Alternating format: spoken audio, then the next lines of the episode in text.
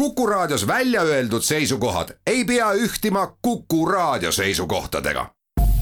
Te kuulate Kuku Raadiot.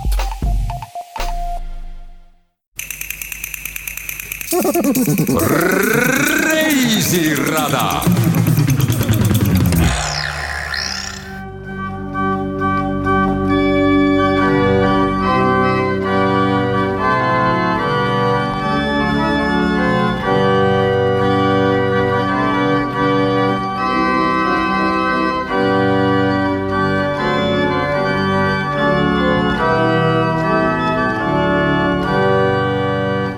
orelihelid, mis kostvusid, tulid käte alt, mis kuuluvad muusikule, kelle tegevus on Eesti kultuurimaastikku rikastanud juba aastaid. ta on üks enim kontserte andvaid Eesti interpreete nii kodu kui välismaal, hinnatud organist, kes on andnud enam kui tuhat soolokontserti nimekatel festivalidel Euroopast Jaapanini Andres Uibo leiab aga ka aega tutvustada reisidel läbi Eesti oreleid Eesti kirikutes, milletest enamustesse satub tavainimene harva saatejuht Tea Karin tervitab teid saatesse Reisirada. sel korral reisime Läänemaal.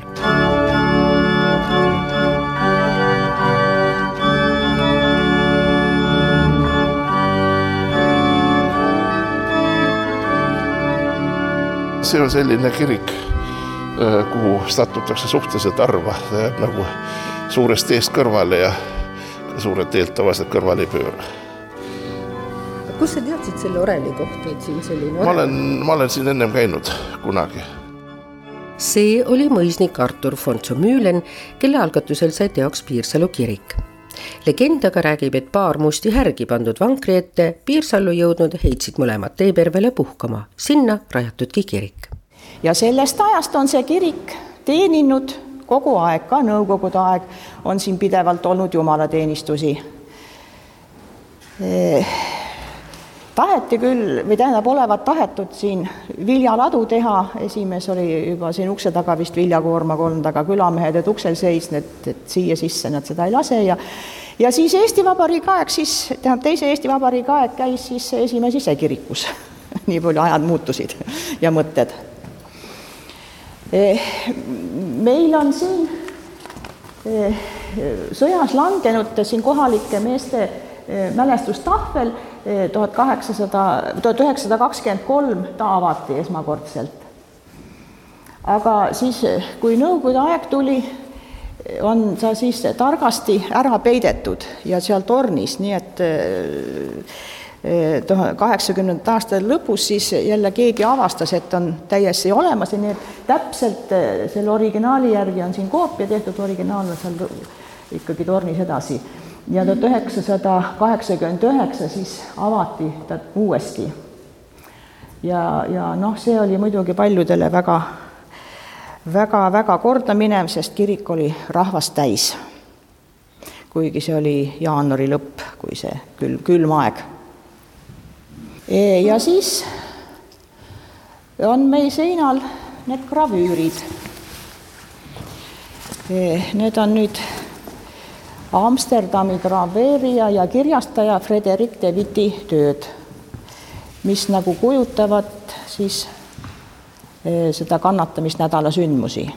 siin vahepeal nüüd üks on, on valge ja sellel on lihtsalt see teema, et, et, kahe tuhandendal aastal eh, ühesõnaga tuhat üheksasada kahe, seitsekümmend üheksa eh, püüti neid gravüüre varastada et noh, ilmselt siis neid klaase ees ei olnud ja, ja, ja noh, tõmmati sealt seest need välja, siit põhja poolt aknast olla sisse tuldud ja ja, ja see paberrull kaenlas ja minema mindud, aga jälle meestel, külameestel jäid vahele ja ja, ja siis saadi need kätte ja pandi nad kohe eh, Läänemaa muuseumisse hoiule. Nad seisid kakskümmend aastat Läänemaa muuseumis ja need epitaafid olid siin nurgas, kui mina siia kiriku juurde tulin üheksakümmend üks, siis seisid siin nurgas üks hunnik raame tehti nende järgi nüüd koopiad, originaalid on ikkagi Läänemaa muuseumis igaks juhuks.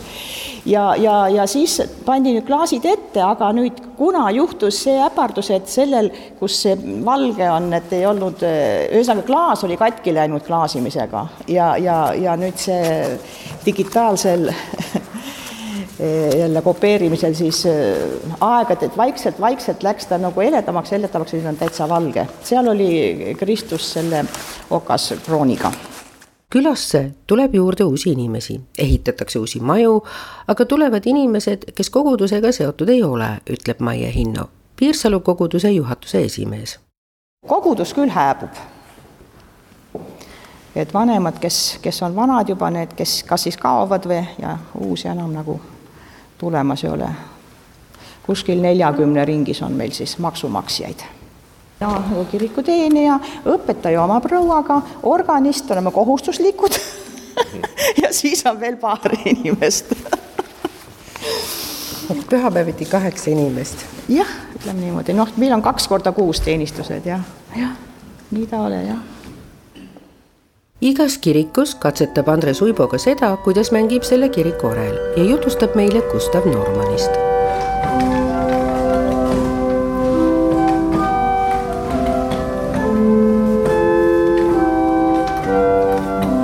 Andres Uibo rõhutas, et vastavalt oma aja traditsioonidele meisterdas Norman paljudele kirikutele ise ka altari.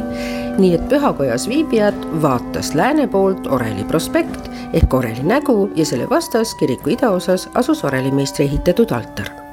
meie suundume siit edasi Haapsallu Läheme kõigepealt vaatama linna üht vanimat hoonet, mis keskajal oli kasutusel Aidana Raekoja kvartali idaosas. seal Jaani kirikus kohtume Läänemaa piiskopi Tiit Salumäega tegemist on jah, oreliga, mis on mitu korda ümber ehitatud ja sellisena ta sai valmis äh, tuhat üheksasada kolmkümmend kaks ja äh, professor Ugo Lepnor mängis selle sisse, aga eelmisest orelist siis äh, sada aastat varemast jäi tegelikult praktiliselt terve oreli esikülg jäi umbes samaks, aga ta ehitati siis ümber pneumaatiliseks oreliks nii et oleme teda remontinud ja remondid on praegu ka pooleli hetkel. Linn on seda toetanud, aga sel aastal noh, võib-olla toetus tuleb hiljem, aga, aga, aga nii ta on, nii et igal juhul ta on kasutuses ja siin on kolm pilli, siis on see suur orel, harmoonium ja elektriorel, nii et saame kõiki kasutada jutt on tundmatust kangelannast Haapsalust pärit Hedvig Büllist, kelle sünnikodus ongi praegu tegevuskeskus Iloni imedemaa. Siit edasi suundume Haapsalu toomkirikusse, mis on tuntud oma valge daami legendiga, kelle laulu kuuleb kirikusse sisenedes. ema, mu ema, kuhu sa jäänud, olen ju süüta, olen nii üksinda nüüd olen koduta, nüüd olen kaitseta. ole oh olev, kus sa küll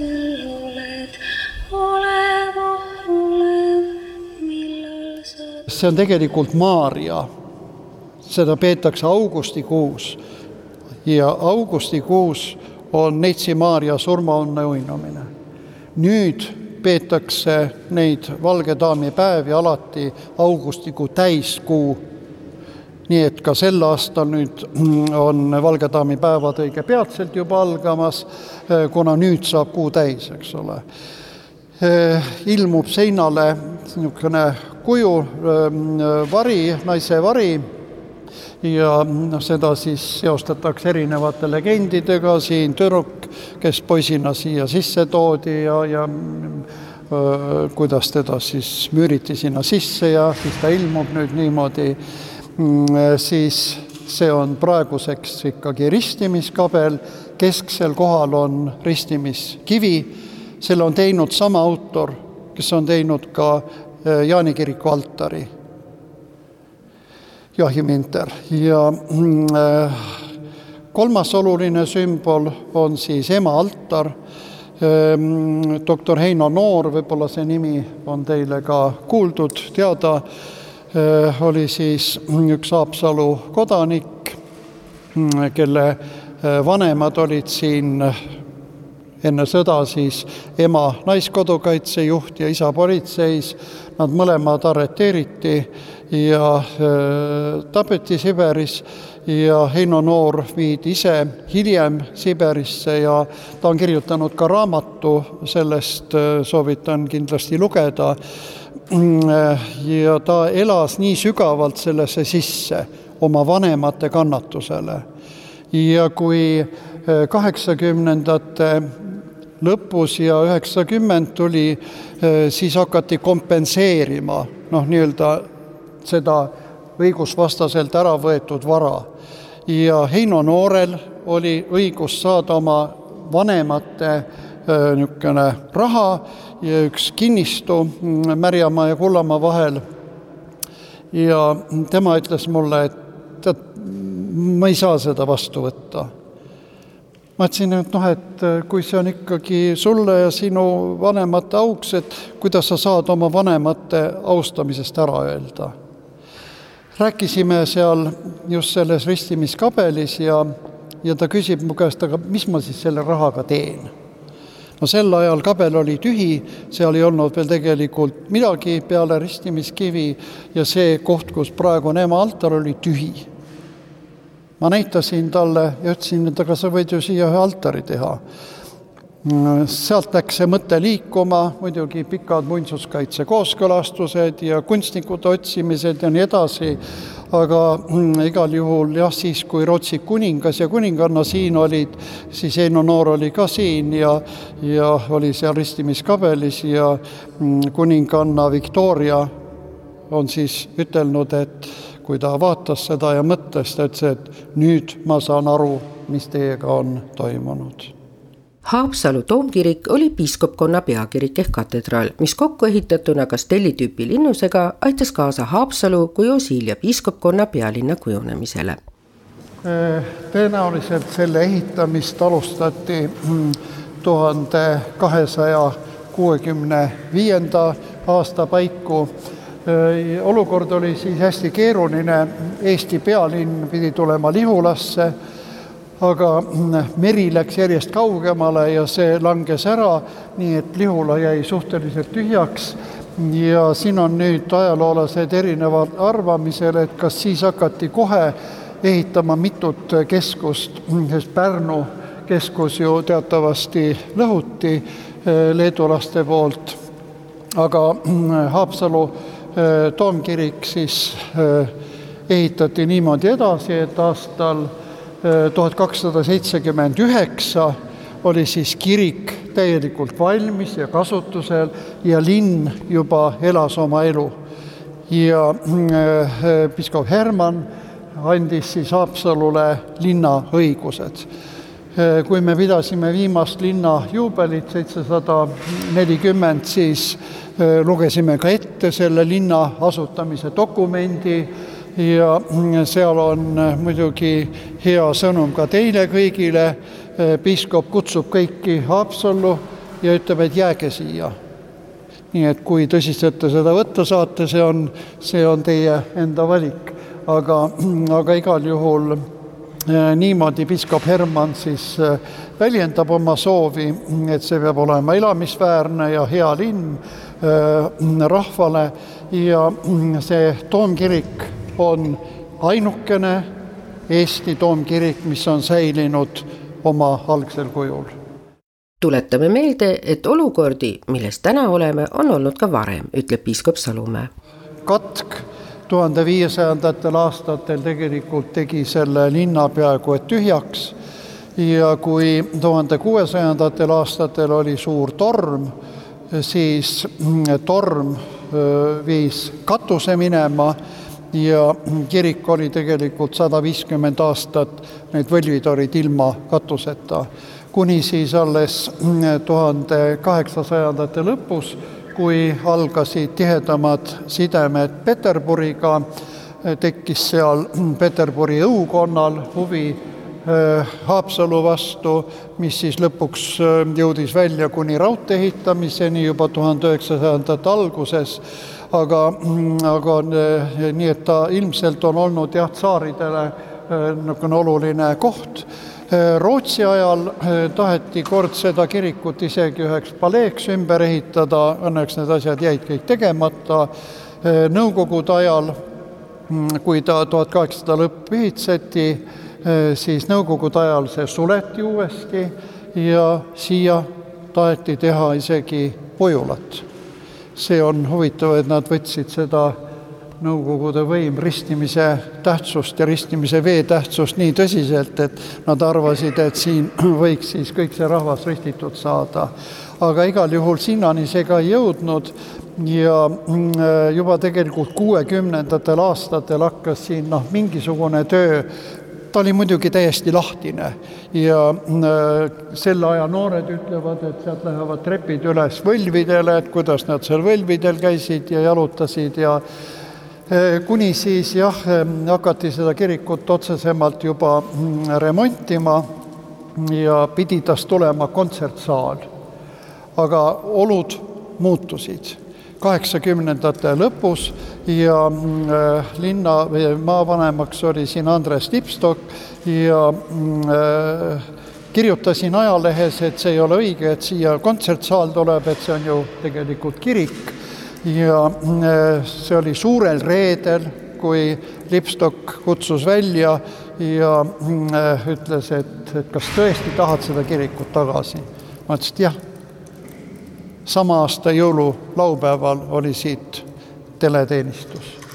nii et see oli tohutu kiire, siis pool aastat kõige selle ehitamise ja korrastamisega, aga muidugi teda on järjest edasi tehtud, ega need pingid ei olnud siis, need toolid, mida me Jaani kirikus nägime, need toolid tegelikult on siia kirikusse tehtud pingid on hiljem ja, ja, ja see on tegelikult siin juba noh, ütleme kolmas orel. Ähm, altari osa, kõik on uus, ähm, see sisustus ja, ja altarikatted, mis on siis äh, niimoodi kunstipäraselt tehtud. Äh, kindlasti väärib erilist mm, märkimist kabel, see ümmarguse kujuga kabel, mis on väga ebatüüpiline tegelikult ristimiskabel ta muidugi pole kunagi olnud, ristimiskabelil peab olema kaheksa nurka, see on ümmargune ja see on tegelikult selle äh, viimase piiskopi hauakabel. siia on maetud umbes sada viiskümmend inimest ja see oli nii täis maetud, et piiskop tahtis endale kabeli, kuhu ennast lasta matta. Ja sinna ta tegelikult ka maeti selle nagu Maarja, Maarjale ilmselt pühendatud ja Maarja kroonimise altar on praeguseni Kuressaare ähm, muuseumis, me ei ole seda tagasi saanud, siin tegelikult on tema algne koht. reisirada. Jätkame oma reisi praamiga ja sõidame Vormsile ja ma kasutan võimalust rääkida Andres Uiboga orelitest on antud mõnedele inimestele lihtsalt oskus teha oma tööd väga täpselt, ma alati imet-, imetlen neid, kes teevad noh, käsitööd, et näputööd, heegeldavad näiteks peeneid pitse, et noh, peab ikka kannatus olema, kes seda teeb. näiteks minul niisugust, niisugust kannatust iialgi ei oleks. aga et, et samamoodi on orelitega ja orel on ju tegelikult käsitöö on olnud aegade algusest, oreli ajalugu läheb äh, kaks tuhat viissada aastat tagasi. Äh, vanasse, vanasse Hiinasse, Iraani, Pärsiasse, sinna aladele. Ja sealt ta ühel hetkel Euroopasse jõuab välja ja oreleid on algul kingiti, näiteks on teada, et Pärsia, Pärsia kuningas läks teisele kuningale külla siis mida tal kaasa võtta on, kinkis väike oreli, aga see orel oli muidugi pisikene, aga ta oli kullatud üleni ja hästi palju kulda ehitud igat moodi. et eh, orel on olnud ka niisugune kinkimise objekt ülikutele. ja siis oli orel oli mingil ajal oli nagu lahinguväljal. see tähendab seda, et kui olid lahingud, siis oli peale lahingut, kui oli võit, oli vaja millegagi teada anda üle välja et äh, me oleme võitnud, ega siis keegi hüüda ei saanud või viiuliga või mingi pasunaga ei oleks ju kostnud. aga orel oli niisugune võimas pill, siis oli, mängiti peale võitu, mängiti orelit, nii et orel on olnud ka nii-öelda sõjaväljapill ja on olnud ka siis gladiaatorite võitlusel areenil on mängitud. nii et oreli ajalugu on väga pikk, ainult et kus orelit ei ole kunagi olnud, seda orelit ei ole, ei ole olnud meelelahutusasutustes. Ja kui hakati Euroopas otsima ühte pilli, mis oleks vaba siis nagu niisugusest meelelahutuse funktsioonist või millel oleks siis väga tõsine funktsioon, siis leiti olevat ainukene pill, mis selleks on sobilik, on orel.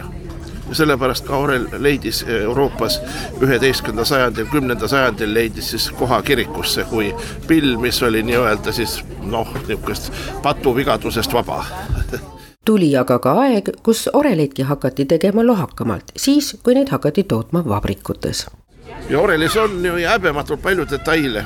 noh, ma ei tea, neid suurtes pillides on ikka, loetakse neid, neid mitmesajate tuhandetega erinevaid detaile, noh, see on nagu ütleme piltlikult võib-olla Eiffeli torni ehitamine, kus kõik mutrid ja ühtegi auku ei tohtinud ümber teha.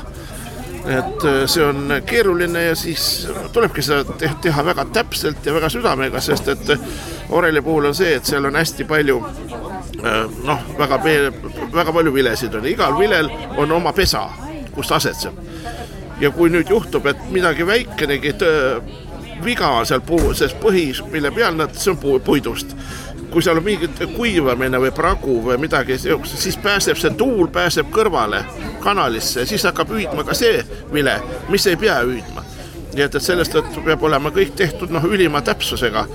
et see on nagu tegelikult nagu veresoonestik niisugune, mis peab funktsioneerima laitmatult ja, ja siis äh, hakati hiljem võtma ka odavamaid mater materjale kasutusele ütleme, vanasti tehti orel puhtast tammest. Tamm kuivas seitsekümmend viis, kaheksakümmend aastat, see tähendab kaks inimpõlve, puit kuivas, siis hakati alles pilli ehitama. tänapäeval on kiirkuivatid, lastakse läbi ja, ja siis ja isegi tehakse saepuruplaadist noh, teatud osad, et oleks odavam. no ja niimoodi ta, niimoodi on selle pilli ehituse, on läinud niisugune allakäik, et ta on nagu manufaktuurne ja suur tootmine ja tellijaid on palju, tellijaid tuleb juurde, lähebki lohakamaks kogu see ettevõtmine nagu saate alguses juba mainitud, on Andres mänginud üle terve maailma ja Praamil ongi hea võimalus see kõik üle küsida. ma nimetan ehk kuulsamad kohad ja mis on mulle jäänud, mis on tõesti haruldased kohad, see on nüüd juba äh, Pariisi Jumalamaa kirik, mida tänaseks enam ei ole. et seal ma olen mitu korda kontserdi andnud Milano katedraalis, mis täna veel õnneks on olemas, seal olen kontserdi andnud ja muidugi äh, kõige tähtsam paik minu enda jaoks siis äh, Leipzigi Toomaskirche või see Toomas kirik, Leipzigi Toomas kirik, kus, kuhu on maetud siis Johann Sebastian Bach ja kus on tema haud ja nende kohtade noh, ütleme minu suur privileeg on neil kohtadel, et need kohad on päeva jooksul on nagu avatud ja siis ei saa harjutada.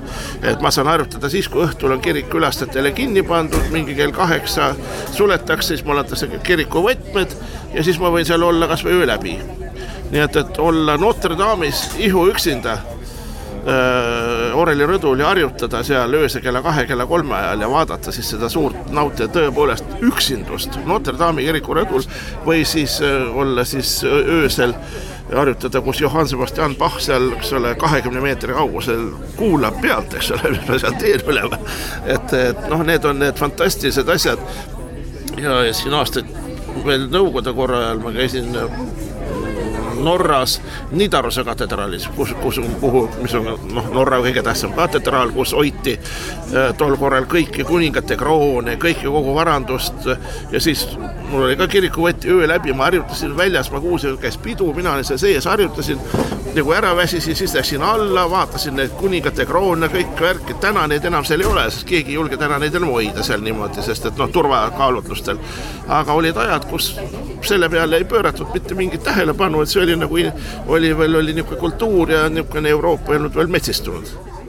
ja siis jõuame Olevi kirikusse Vormsil, mis kahe tuhande üheksateistkümnendal aastal tähistas oma kaheksajandat juubelit ja kus võtab meid vastu Vormsi koguduse õpetaja Ants Rajando. Teie tähelepanu siis, kui te, kui te oma silmad üles tõstate, siis te näete seal äh, erinevaid paradiisimärke. professor Kaul Alt on samuti arvanud, et, et see on siis see võlmimaaling siin on äh, valminud siis pärast selle alt kooriruumi valmimist siis ka kolmeteistkümnendal sajandil. ja siin, nagu juttu oli, on siis näha lootasõied ja, ja liiljad, samuti siis äh, on võimalik sealt ka viinapuväädid ära tunda ja, ja, ja, ja tähed, et need on siis äh, sellised paradiisi sümbolid, mis viitavad selle kiriku altariruumi tähendusele kui paradiisi aiale, aiale. see aken kooriruumi nurgas inimese silma kõrgusel ja seda on siis seotud äh, teatavate inimgruppidega, kes ei, ei ole saanud kirikusse tulla. tähendab, see on, selle nimetus arhitektuuri ajaloos on hagioskoop, hagio, püha skoop on vaatama, püha vaade. nii et mis, mis selle eesmärk on olnud, kindlasti on see, et, et keegi on seisnud seal, seal akna taga ja vaadanud kirikusse ja, ja siin on, täpselt ei ole teada, kelle tarvis see on tehtud, aga siin on, siin on nagu kaks sellist suuremat, suuremat rühma, on, üks on, üks rühm on siis need, kes äh, kirikusse ei tohtinud keskajal tulla. et siin tuleb, siin tuleb omakorda kaks inimrühma kõne alla, ühed on siis äh, nakkushaiged, kes ei tohtinud siis tervet hulka tulla kirikusse selleks, et, et vältida nakkust. noh, tänapäeval väga tuttav teema, eks ole kuigi, kuigi haigus oli teine, mis te, mis te, mis te arvate, mis see, mis see põhiline haigus võis olla, ke-, kellel ei olnud lubatud kirikusse tulla? Väga õige, mitte katkuhaiged, katk tegi väga ruttu oma töö, see ei, ei kujunenud teemaks ilmselt, aga just pidalitõbi, mis oli samuti, mis oli ju pikaajaline haigus ja samuti nakkav. ja kuna, kuna neid ei lubatud kirikusse tulla, siis selle akna kaudu võidi jagada neile, neile siis sakramenti. teine inimrühm, kes, kes samuti või si-, kellel võis olla keelatud kirikusse tulla, olid siis erinevad kiriklikud karistused, mis keskajal olid. noh, meil äh, neid häbi või neid äh, häbiposte kirikute juures säilinud ei ole, mina olen küll Soomes näinud jalapakkusid siis, kuhu, kuhu omal ajal on pandud äh, erinevate karistuste eest siis inimesed nii-öelda moraalset karistust kandma, et, et siis te, kui teised inimesed teenistusele tulevad, siis nad on seal väljas, aga keskajal võis siis olla ka, ka neid inimesi, kellel, kellel erinevate üleastumiste tõttu ei olnud kirikusse lubatud tulla ja siis ilmselt nendega suheldi ka siin.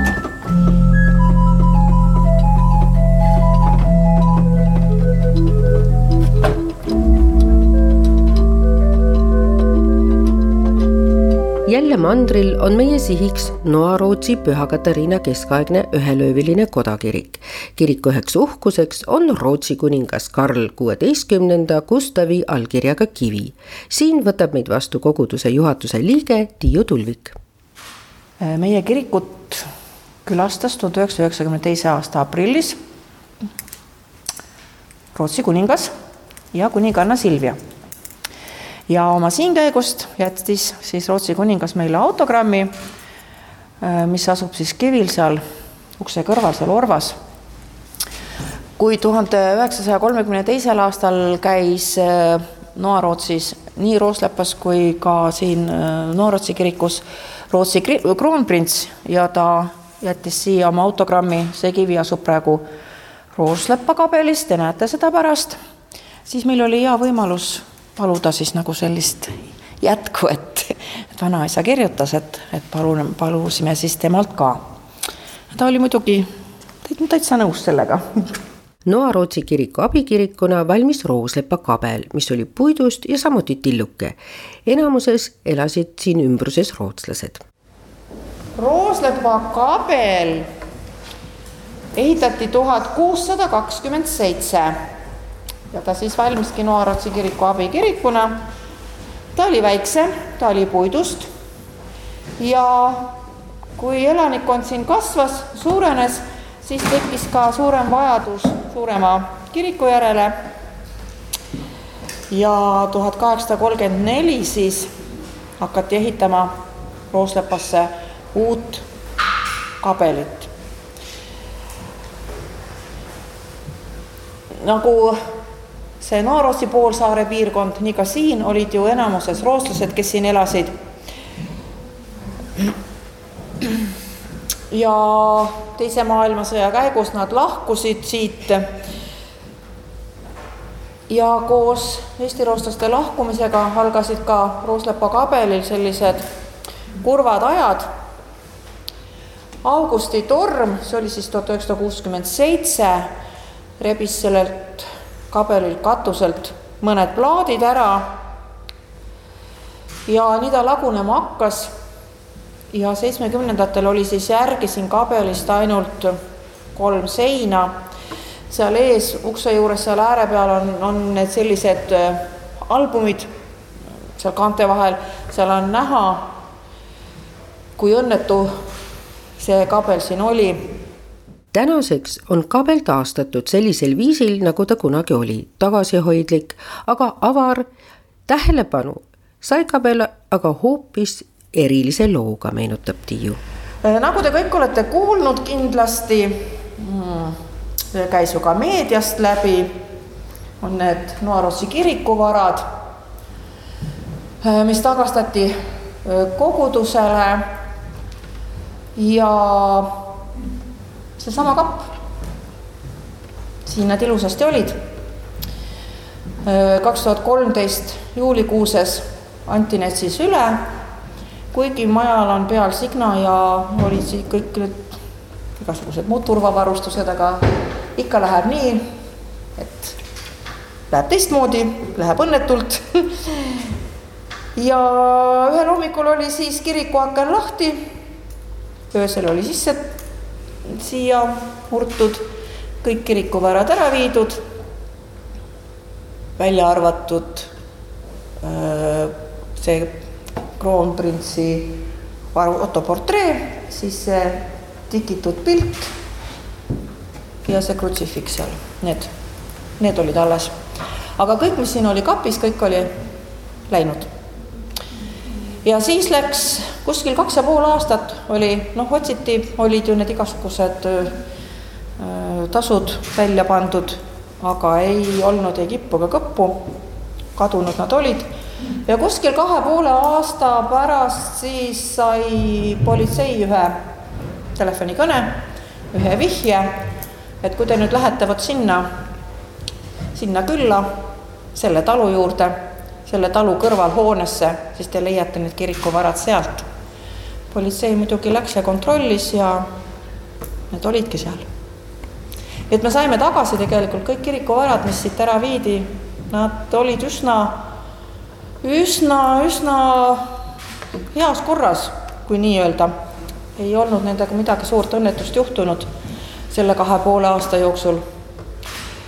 ja nüüd on siis niimoodi, et kui on siin Mm, kodukandiühinguga koos jumalateenistused. sellel aastal kahjuks see sai, jäi ära, sest Rootsi poolt ei saanud keegi siia tulla, muidu on juuli alguses, on siin iga, iga aasta juuli alguses on. Või on mingisugused muud sellised suuremad, tähtsamad sündmused, üritused, siis me toome kirikuvarad siia, paneme kappi ja pärast, kui on üritus läbi, pakime jälle kokku ja lähevad ära seifi kirikuvarad on tegelikult, kui te lähete sinna ülesse, trepist ülesse, seal on igast kirikuvarast on tehtud ka, on fotod. Äh, need olid siis, seal olid armulauariistad, seal olid karikad, seal oli pateen, seal olid küünlajalad, äh, ühesed küünlajalad, neljane küünlajalg, armulauakarikas, ma vist ütlesin juba, noh, kõik sellised ilusad asjad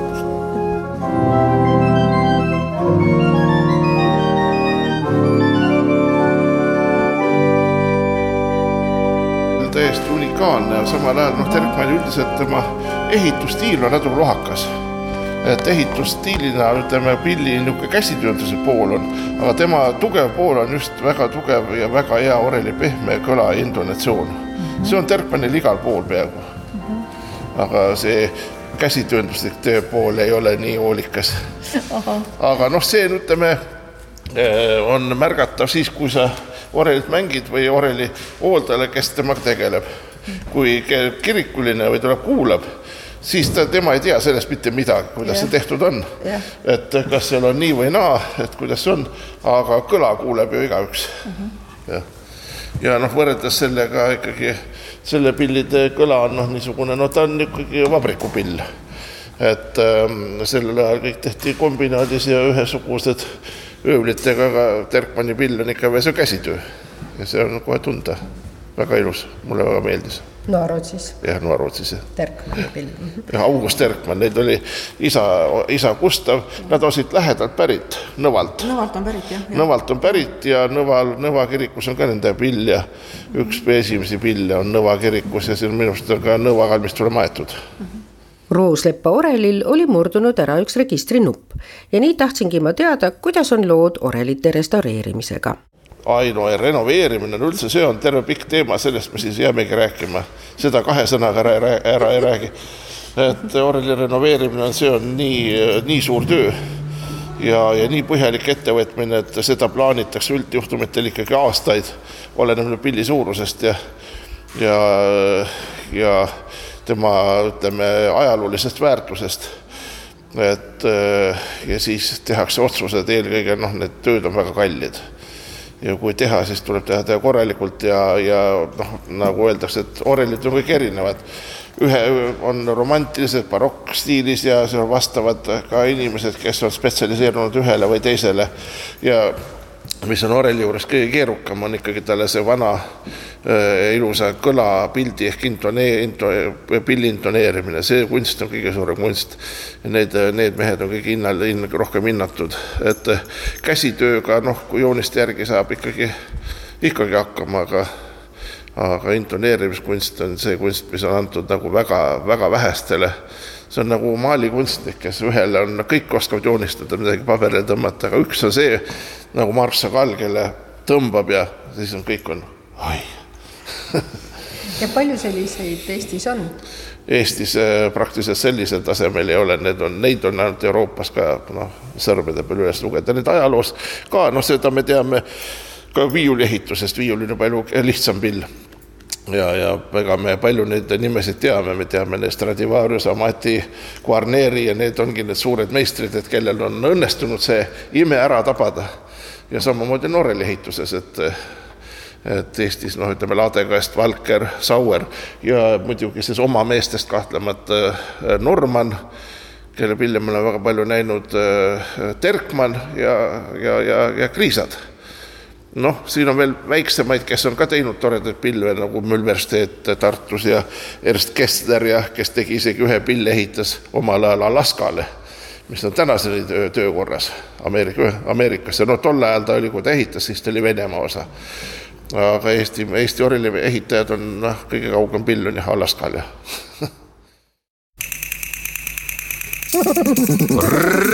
Reisirada meie reisi lõpetab Harju-Risti kirik, üks Mandri-Eesti omapärasemaid kirikuid ja iidsemaid pühakodasid. külalised, ütlen teile paar sõna tervituseks. Peeter Pedap, olen koguduse liige. muidu elan Tallinnas, aga siit eh, lähistelt on pärit ju minu rannarootslastest esivanemad ja ja üldse see piirkond, nagu te teate, on ju rannarootslaste asustada olnud. risti nimi on konkreetselt seotud Kristuse ristiga, et ühtegi teeristi siin ei ole. Ja, ja sellepärast eh, see kirik on Kristuse risti järgi nime saanud. Ja laias laastus ütleme, et ta on seitsesada aastat vana.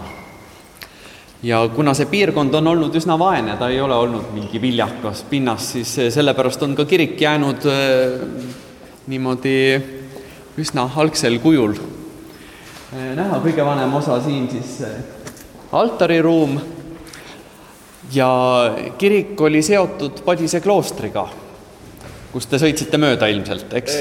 Te tulite teiselt, teiselt poolt. et eh, kloostriga ta seotud oli ja sellised siis uuemad asjad on kantsel Tobias Heinze, kes oli Tallinna meister, tema tehtud siit neli neli apostlit näha, Paulus, Peetrus, äh, Mattias ja Johannes ja orel, mille kinkis kirikule Vihterpalu mõisahärra. kahe mõisa vahel see kirik on, Padise mõis ja, ja Vihterpalu mõis ja mõlemad tegid kingitusi. nii, kogudus praegu on üks vähestest Eestis, mille liikmete arv kasvab. Ja kasvab ta ennekõike tänu õpetajale Annika Laatsile, kes, kes on eh, siis eh, ka ajakirjanduses palju, palju eh, arvamusi avaldanud ja toetajaid leidnud ja ka koguduse elu on üsna aktiivne on, on teha siin midagi nii, nii noortel kui vanadel. ja kirik eh, on pääsenud ajakirjanduse veergudele ka nende müntide pärast, mis siit eh, põrandalt leiti, et restaureerimise käigus leiti siit üle tuhande mündi läbi mitme ajastu ja, ja tekkiski siis selline vaidlus, et kuidas nad on sinna sattunud ja kas nad peaksid kuuluma kogudusele või riigile noh, eh, mündid on muidugi jäänud riigile, neid eksponeeritakse Harjumaa muuseumis Keilas, aga üks eh, üsna oluline kohtuotsus oli kolme puitskulptuuri kohta, mis olid siin seina, seina peal oli Kolgata grupp ehk siis Jeesus ristil ja Johannes ja, ja Maarja. Ja need eh, praeguse seisuga peaksid siia tagasi tulema Niguliste kirikust, kuhu nad siis nõukogude ajal viidi eh, restaureerimisele ja, ja ei ole sealt, eh, sealt tagasi jõudnud.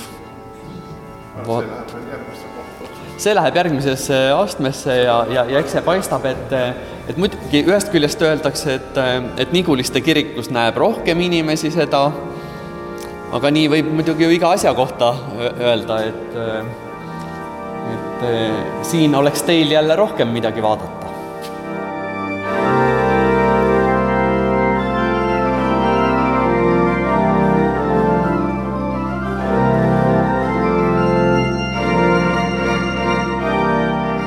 Seniks, kui kirikus mängib orel, ajame veidike juttu ka nendega, kes reisil kaasas olid. et see kiriku, ma ei tea, kuidas seda öelda, park või, et see on ühesõnaga väga korras ja, ja ühesõnaga niisugustes kohtades on isegi need rauad on korras, sellepärast et minu suguvõsast on ka siia maetud minu vanaisa ja vanaema nii et teil oli hea meel siia tulla ja, tänase jah, aga no mina tegelikult neid ei korista, seal on teised inimesed, aga siiski, kuigi ma mõtlesin et nad on teistmoodi välja näevad, aga ma jäin rahule. ma ei ole nii korras surnuaeda näinud. see on tõesti ääretult korras surnuaed, ma ei tea, kas siin on ka kirikuõpetaja käsumängus, sest see on üllatavalt korras surnuaed. niisugust ei ole kuskil näha olnud enamus reisil olijatest on elukogunud inimesed, seega kuuskümmend pluss. Nemad on kunstist ja kultuurist huvitatud ja üks asi pahandab neid küll. vanurid, kuuskümmend üks aastat vanad, need on juba selles. et teile tundub, et see on lausa imelik, kui nii öeldakse? muidugi, sellepärast et ma, mis vanur on kuuekümne ühe aastane, täis elujõus inimene kas te olete parim ka? näide, parim näide, mina olen kuuskümmend üks ja ma ei ütle, et ma olen vana ja miks teie reisite, teete neid reise kaasa? Neid reise ma teen sellepärast kaasa, et ma tunnen väga huvi kirikute ja kirikute arhitektuuri vastu. ja see on selline, selline, sellised reisid, kuhu, mis on nagu plaanides, on sellised reisid, kuhu tavaliselt ei satu kirikute juurde, just need kirikud. ja mis see reis teile täna näiteks? täna nüüd ütleme kohe, et oli see viimane kirik, Risti kirik, on tõesti fantastiline. just tema see äh, põhiplaan, äh, seina, seinamaalingud, mis on hoopis teistsugune kui tavalistes Luteri kirikutes, mis on, mis on meil tavaliselt sellised valged, ilma igasuguste kaunistusteta. kirik peab ikka olema rõõmus, lõbus ja ilus Peeter Pedaku ja Andres Uiboga heidame veel kord pilgu kiriku omapärasele tornile ja välialtarile. ja tõenäoliselt siis, kui eh, ei saanud teenistusele sisse kutsuda mingi haiguse tõttu, pidalitõbiseid näiteks, et nemad said jumalateenistuse siis kätte väljast sellise kaare kaudu. Ah ei noh, see oli ainult minu piltlik, et see on nagu, torn meenutab mulle seda, nagu oleks see, võtame juustu ümmarguse juustukera, et siis on nagu poole juustu ära lõigatud, et see oli nagu piltlikult öeldud, et ega see. sellist torni jah, mis oleks sellise ole, pool eh, silindrikujulist ei ole ja me arvame, et see on sellepärast, et Liivi sõjas sai ta kannatada ja siis taastati lihtsalt pool kokkuhoiu mõttes. väga õieti tehti noh Läänemaa piiskopi Tiit Salumäega rääkisime tol päeval ka sellest, et väga kohane on heita tänapäeval pilk ajalukku, sest täna kehtivad meie jaoks sarnased reeglid nagu sajandeid tagasi ja siis muidugi teine oli see suur mm, kat-, katkulaine, mille kohta ka öeldakse, et kui keegi nägi inimese jalajälge, siis ta suudles seda. lugu, mida jah, olen selles ühenduses ka meelde tuletanud, kuidas kui see pidalitöbine tuleb, eks ole, siis selle vahe hoidmine ja, ja kogu see e, piibellik arusaamine, et, et kes on haige, peab ennast eemale hoidma. see ei ole niimoodi, et, et me ütleme ainult, et kõik jumala käes ja, ja teeme, teeme, mis teeme, ei me peame iseennast hoidma, me peame teisi hoidma ja eks see on ka see sõnum, mida me nüüd selle haiguse puhul oleme andnud nii et siin kirikus ka nüüd selle vanamuusikafestivali avasõnavõtus ma ütlesin ka, et, et muusika on ikka see, mis aitab hirmusid võita ning Andres Uibo tuletab veel kord meelde, et just Eesti saartelt on tulnud Eesti suurimad heliloojad. ma ütlen, kolm saart andsid, andsid igaüks suure helilooja mm. -hmm. Peeter Süda tuli Saaremaalt mm, -hmm. Rudolf Tobias Hiiumaalt ja Vormsit tuli Kirillus Kreeka mm. -hmm. saate tehnilise külje eest vastutas Veiko Rebane. mina soovin teile toredaid suviseid reise mööda Eestimaad, põigake julgelt kõrvale ka peateedelt. kui tahate teha seda koos teiste huvilistega, siis tiitreisid viivad teid paljudesse põnevatesse paikadesse. ise reisides aitavad teid sealjuures aga regiokaardid